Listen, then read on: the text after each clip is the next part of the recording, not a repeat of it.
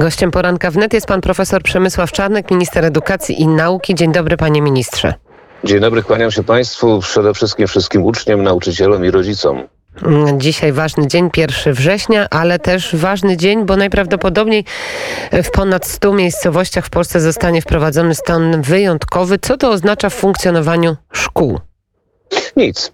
E, funkcjonujemy normalnie, chodzimy do pracy normalnie, chodzimy do szkoły normalnie. E, to nie będzie miało żadnego znaczenia dla funkcjonowania szkół. Dziękuję za uspokojenie tych przygranicznych e, uczniów i nauczycieli. Stan wyjątkowy odkładamy na bok. Co to oznacza, że wracamy do normalności, panie ministrze? Wracamy do normalności, czyli nie ma mowy o zdalnym nauczaniu, nie ma mowy o hybrydowym nauczaniu? Na ten moment nie ma takiej, takich planów. Na ten moment wracamy do nauki stacjonarnej i nawet w dłuższej perspektywie czasowej, yy, kilkumiesięcznej, tegorocznej, nie przewidujemy powrotu do nauki zdalnej bądź hybrydowej, chyba że będą to incydentalne przypadki, bo dyrektorzy szkół dalej mają uprawnienie do tego, żeby w porozumieniu z służbami sanitarnymi, tam gdzie pojawią się ewentualnie jakieś ogniska zakaźne, tam będą mogli kierować na kwarantannę i naukę zdalną albo część klasy, albo całą klasę, albo całą szkołę, w zależności od wielkości ogniska. Ale to były nawet przy trzeciej fali rzadkie przypadki, a teraz wydaje się, że jeśli w ogóle będą to jakieś pojedyncze incydentalne w skali całego kraju. To też bardzo ważna informacja. No i mamy takie zalecenie. No właśnie, pojawia się pytanie, zgłaszają się do nas nauczyciele, zgłaszają się do nas rodzice. Czy to jest zalecenie, czy to jest obowiązek? Mówię tutaj o noszeniu masek. Czy to są autonomiczne decyzje dyrektorów, bo wiemy, że rodzice rodzice już się mobilizują i będą jakieś pisma składać do dyrekcji czy do tych, którzy szkołami zarządzają. No ale maseczek w klasach oczywiście nie nosimy, to jest zupełnie jasne. W klasach jesteśmy bez maseczek, uczymy się bez maseczek. E, natomiast w częściach wspólnych, tam gdzie nie da się zachować dystansu społecznego, tam zalecamy noszenie maseczek, bo to również te miliony maseczek e, docierały w ostatnich dniach i dalej będą docierać do szkoły z, rezerwy, e, z Agencji Rezerw Strategicznych. Powtarzam, zalecenia do noszenia maseczek w częściach wspólnych, tam gdzie nie można zachować dystansu społecznego, a tam gdzie uczymy się w klasach, oczywiście uczymy się bez maseczek. Jeżeli y, rodzice się nie zgodzą albo Rada Rodziców podejmie taką uchwałę, czy też podejmą taką decyzję, że nie chcą nosić masek, coś wtedy grozi dyrekcji szkoły? Coś wtedy grozi takim rodzicom? Pani redaktor, przepisy prawa powszechnie obowiązującego dotyczą wszystkich, y, łącznie z Radą Rodziców i Dyrektorów. Trzeba stosować się do przepisów prawa obowiązujących w Polsce. Szkoły nie są wyłączone z y, obowiązywania tych przepisów. Czyli będzie odpowiedzialność dyrekcji za taką decyzję. E, to będzie decyzja niezgodna z prawem, jeśli będzie niezgodna z prawem powszechnie obowiązującym. Jeszcze raz powtarzam, no dziś mamy wszyscy obowiązek noszenia maseczek w pomieszczeniach zamkniętych, na stacji benzynowej czy jak, w jakimkolwiek urzędzie e, e, i z tego obowiązku nikt nie jest wyłączony. Natomiast w szkołach mamy dla dzieci rozwiązanie polegające na tym, że w klasach, gdzie się uczymy, przebywamy 45 minut mm, lekcyjnych, uczymy się bez maseczek. W częściach wspólnych, gdzie nie można zachować dystansu, tam będziemy używać maseczek. Jeżeli ja jeszcze raz z uporem maniaka wrócę do tego, jeżeli rodzice się nie podporządkują, dzieci się nie podporządkują, jaka będzie procedura wtedy? E, Pani redaktor, no ale to my mówimy o obowiązywaniu prawa powszechnie obowiązującego i procedurach, które działają od kilkudziesięciu lat w Polsce. Są w szkołach jest to nowum, ale... panie ministrze. W szkołach jest to rozwiązanie, które wchodzi pierwszy raz.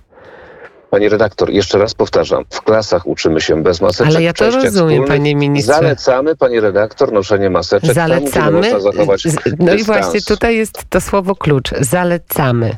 Zalecamy? Zalecamy noszenie maseczek tam, gdzie nie, ma, gdzie nie można zachować dystansu. Tam jest wyraźnie to w wytycznych i, yy, i zaleceniach sporządzonych razem z Głównym Inspektoratem Sanitarnym zapisane. Jeżeli szkoła i rodzice nie podporządkują się takim zaleceniom, co grozi takiej dyrekcji? Panie redaktor, grozi? rozpoczynamy rok szkolny w trybie stacjonarnym. Wracamy do normalności, chcemy nadrabiać zaległości, a pani zajmuje się jakimś naprawdę delikatnym e, jakimś problemikiem, który Myślę, że to nie jest delikatny problem, panie ministrze, ponieważ dzieci nie chodziły nigdy w maskach i jest to dla nich obce i będą musiały po prostu zmienić zupełnie swoje podejście do czasu wolnego, więc ja... to nie jest mały, nefralgiczny.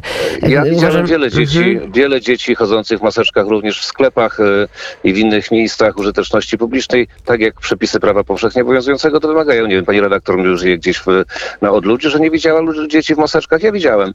E, natomiast jeszcze raz powtarzam, W zaleceniach mamy jednoznacznie zapisane. Ale dalej mi pan minister nie, nie udzielił odpowiedzi, co się stanie w momencie, kiedy nie będzie wypełnione takie zalecenie. Co się mamy stanie? Mamy znakomitych dyrektorów i uczniów i nauczycieli i rodziców, którzy odpowiedzialnie do tego podchodzą. Programy Ale wyrównawcze pani redaktor chciałaby pan... powie... Pani redaktor chciałaby powie... zrobić, że ja na początku roku szkolnego 1 września o godzinie 8.37 powiedział, że będę wsadzał do więzienia. Chce pani jakiegoś newsa z tego zrobić? Zalecenia nie, nie chcę. Po prostu rozmawiam z rodzicami, że... rozmawiam z nauczycielami, się zastanawiają. Po prostu. Zastanawiają się i media są od tego też ja po to, żeby komunikować. Oczywiście odpowiadam na te zastanowienia. Zalecamy, by w częściach wspólnych, gdzie nie można zachować dystansu, używać maseczek, bo to zmniejsza możliwość rozprzestrzeniania się koronawirusa, co jest naukowo udowodnione. W klasach uczymy się bez maseczek. Programy wyrównawcze, powiedział Pan o programach wyrównawczych. Wiemy, że do końca grudnia te programy wyrównawcze po pandemii to będzie 5 godzin, jeżeli chodzi o dany przedmiot. Czy uważa Pan, że to jest wystarczająca liczba? Bo nauczyciele też, z którymi rozmawiamy, mówią, że jest to za mała liczba godzin na dany przedmiot. To nie jest liczba godzin na dany przedmiot. Nie wiem skąd pani redaktor wzięła takie informacje. To są absolutnie fałszywe informacje. Mamy 10 godzin dla każdej klasy w każdej szkole e, przez 10 tygodni po to, żeby nie zwiększać maksymalnie obciążenia uczniów, które i tak jest niemałe w szkołach w tygodniu. Jeśli będzie zapotrzebowanie na kolejne 10 czy na kolejne 30 godzin, wielokrotnie o tym powtarzamy, zwiększymy pulę środków. Na teraz mamy 187 milionów. Szkoły zapotrzebowały z tych 187 milionów 141 milionów. Mamy wolny 46 milionów środków z, tych, z tej puli podstawowej. Jeśli pani zna nauczycieli, którzy narzekają, że nie ma na to środków finansowych, to bardzo proszę zainteresować tych nauczycieli, ażeby zwrócili do nas środki. Mamy wolne 46 milionów dzisiaj, a jeśli trzeba będzie kolejne 200 milionów, to damy, tylko poprosimy zainteresować się na, e, zajęciami wspomagającymi. A z jakich przedmiotów i w jakim zakresie, to nauczycieli mają tutaj absolutną dobrowolną, dowolną sytuację, to oni wiedzą najlepiej, w jakim zakresie Czyli rozumiem, że 10 godzin dla danej klasy na wszystkie przedmioty, tak? Pani redaktor, ja jeszcze raz powtarzam to nauczyciele i dyrekcja w konkretnej szkole decydują, z jakich przedmiotów mają uczyć i, i wspomagać za dzieci, Naprawdę? bo to oni mhm. wiedzą, w jakich przedmiotach są największe zaległości spowodowane naukozaną. Czyli może być taka sytuacja, że może być to 8 godzin z polskiego i na przykład oczywiście, jedna godzina z matematyki, tak. jedna godzina z angielskiego, tak? Jak najbardziej tak. To jest wszystko decyzja nauczycieli. A jeśli trzeba będzie kolejnych godzin, powtarzam, mamy wolnych środków jeszcze 46 minut z tej pierwszej puli i zapowiadałem zawsze, że jeśli będzie zainteresowanie dodatkowymi jeszcze zajęciami wspomagającymi, przeznaczymy na to kolejne środki, bo to jest niezwykle ważne, żeby nadrabiać zaległości. Jest jedna rzecz. Trzeba zainteresować dzieci, bo są to zajęcia dobrowolne i tu jest rola nauczycieli, dyrekcji i rodziców, do których apeluję, żeby z tych zajęć skorzystać. No, no i ten temat szczepień, który się pojawia. Rozumiem, że teraz będą mm, godziny wychowawcze poświęcone mm, szczepieniom, poświęcone temu, żeby jak największa liczba dzieci się zaszczepiła. Czy szkoły, czy nauczyciele, czy y, pielęgniarki, jak będzie mm, wyglądało to funkcjonowanie tych punktów y, szczepień właśnie w szkołach? Może pan punktów nam szczepień, powiedzieć? Punktów szczepień jeszcze w szkołach nie ma. Czy one będą, zdecydują o tym rodzice i dyrektorzy na podstawie deklaracji, które rodzice przekażą dyrektorom w kolejnym tygodniu września. E, są ogólnodostępne punkty także dzisiaj i także w tej godzinie, gdzie można się udać i zaszczepić bez żadnego problemu, bo są puste i oczekują na pacjentów. A jeśli rodzice woleliby jednak, żeby ich dzieci były szczepione w szkole, dyrektor zbierze ankiety i wtedy w zależności od liczby uczniów będzie decydował, czy realizować ten, czy sprowadzać ten punkt szczepień i organizować ten punkt szczepień w, w placówce, czy też wystarczy ten punkt ogólnodostępny, do którego będzie zachęcał również rodziców i uczniów. Wszystko zależy od woli rodziców i dyrekcji. No i e, informacja na temat e, podwyżek dla nauczycieli. E, to wiemy, że jest planowane, kiedy kiedy te podwyżki będą realne, bo wiemy, że to jest dosyć duża kwota, 1000 zł brutto, to, to są duże pieniądze, prawda? I dla a resortu... Pani wzięła, a skąd pani wzięła 1000 zł brutto? Tak jest y, podana informacja w większości y, mediów. Rozumiem, że to jest Nie, nieprawdziwa no, pani, redaktor, informacja. pani, re- pani redaktor rozmawia z ministrem edukacji i nauki, a po, powołuje się jakiejś większości mediów jeszcze bez wskazując kierunku. To dosyć mało rzetelne.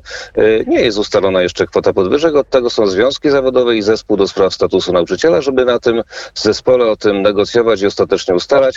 I nie same podwyżki, ale zmiana systemu pracy nauczyciela. Podpisałem rozporządzenie, które kończy z biurokracją w, w, u- nauczycielską. Nauczyciele są nie od tego, żeby pochylać się nad ankietami, e, konspektami, sprawozdaniami, tylko od tego, żeby uczyć nauczyciel, uczyć uczniów i tego właśnie chcą nauczyciele, więcej czasu poświęcić uczniom, E, więc zdejmujemy te godziny biurokracji z nauczycieli po to, żeby e, e, poświęcili się właśnie również nadrabianiu zaległości z czasów nauki zdalnej, a w ślad za tym pójdą kilkudziesięcioprocentowe podwyżki, ale jakie? Ja nigdy o żadnym tysiącu nie mówiłem. No, czyli kwota 1000 zł brutto, którą wymyślili sobie dziennikarze, rozumiem, RMF, Onet i nie tylko, w ogóle, która funkcjonuje w mediach, jest y, kwotą nieprawdziwą, wymyśloną. Jest kwotą, jest kwotą, która nie została w żaden sposób uzgodniona ani w ministerstwie, ani w związkach zawodowych. Mówię o kilkudziesięciu procentach podwyżek, ale przy zmianie pracy i systemu pracy nauczycieli i przy odbiurokratyzowaniu pracy nauczycieli. Bardzo dziękuję za ten głos. Pan profesor Przemysław Czarnek, minister edukacji i nauki, który jedzie już na rozpoczęcie roku na Lubelszczyznę. Dziękuję za rozmowę. Wszystkiego dobrego, kłaniam się. 8.43 jest na naszych zegarach dzisiaj, a my za kilka minut mam nadzieję, że będziemy rozmawiać o ile korki w Warszawie nam nie przeszkodzą. Będziemy rozmawiać z osobą, która odpowiada za ważne wydarzenie w Warszawie. Mówię oczywiście tutaj o e, takim cyklu koncertów Chopin był z Uniwersytetu Warszawskiego. No to słuchamy Fryderyk Chopin, a za kilka minut już rozmowa.